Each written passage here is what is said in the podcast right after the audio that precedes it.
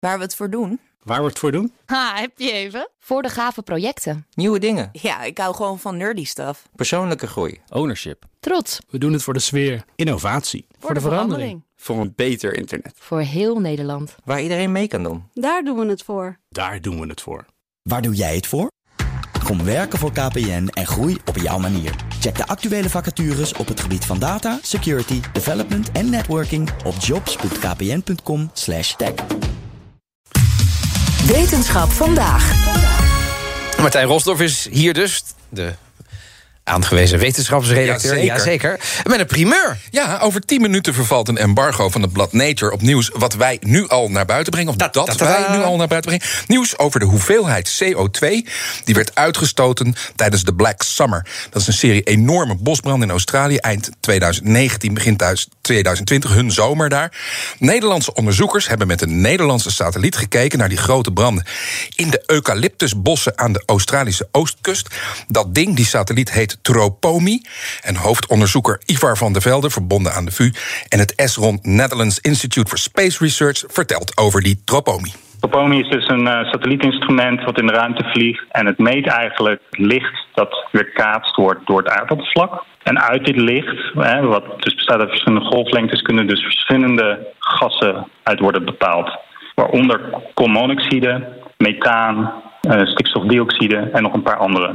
Dus het meet op een hele hoge resolutie. En ook is het in staat om eigenlijk de hele wereld te zien per dag.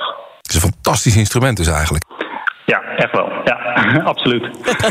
ja. Nooit kwaad, hè? Complimentje. Ja, nou ja maar het, dus die, die, die meters die, die uitstoot. En met dat fantastische instrument in de ruimte hebben de onderzoekers gekeken op aarde naar die grote branden in Oost-Australië. Waarom eigenlijk? Nou, ze hadden eigenlijk een hele goede reden om op juist die branden in te zoomen. Want grote branden in dat deel van Australië zijn zeer uitzonderlijk. Ja, absoluut. Uh, de, de, omvang van het uh, getroffen gebied was eigenlijk historisch gezien abnormaal.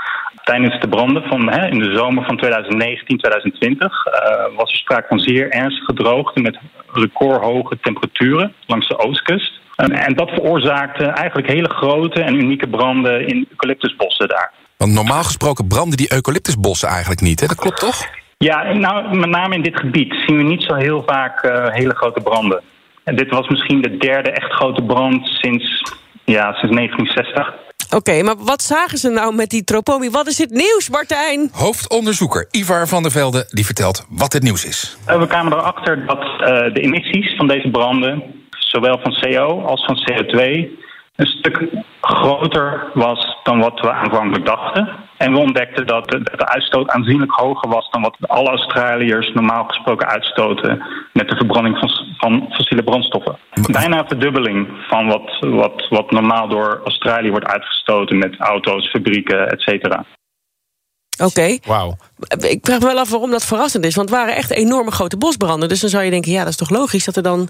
Of niet? Het is twee keer de hoeveelheid CO2 die normaal gesproken Australië uitstoot. Dat is echt enorm. En een verrassing inderdaad.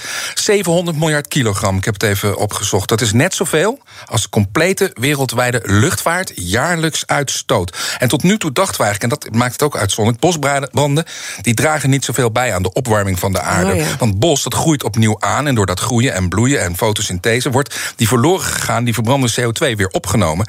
En uh, zijn bosbranden dus eigenlijk min of meer uh, klimaatneutraal. Maar het is dus in dit geval anders. Hele grote bosbranden leveren dus wel degelijk een nadelige balans op wat CO2-uitstoot betreft. Branden vertegenwoordigen ongeveer ja, 20% van de uitstoot van fossiele brandstoffen. En tot nu toe gingen we ervan uit dat die branden niet echt meetellen in het CO2-budget omdat de uitstoot in principe gecompenseerd wordt door CO2-opname tijdens hergroei, door fotosynthese. Maar misschien kunnen ook bosbranden, zoals we die in Australië hebben gezien, een, een nette bron van CO2 worden. In hoeverre uh, weten we eigenlijk niet. Maar de vegetatiegroei zal waarschijnlijk niet meer het oude niveau bereiken. En dit zal waarschijnlijk bijdragen aan nog meer CO2 in de atmosfeer dan verwacht. Ja, somber nieuws maar weer eens, maar toch, we weten nu dankzij die Nederlandse onderzoekers en Tropomi dat grote bosbranden wel degelijk een bijdrage zouden kunnen leveren aan de opwarming van de aarde. Wat weer meer grote bosbranden tot gevolg zal hebben, helaas. Ja, ja dus, dus eigenlijk, nu we dit weten, moeten we dan weer zorgen. En er is dan weer onderzoek voor nodig natuurlijk. Hoe kunnen we dit stoppen? Ja.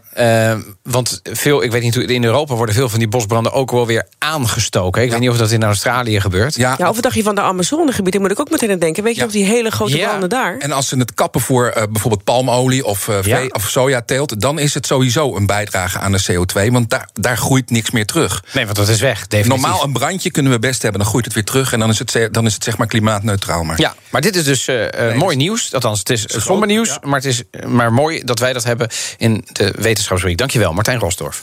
Wetenschap vandaag wordt mede mogelijk gemaakt door Broadwick, de staffing partner voor het data. Ook Hugo Reitsma vind je in de BNR-app. Superhandig die BNR-app. Je kunt alle programma's live luisteren, breaking nieuwsmeldingen.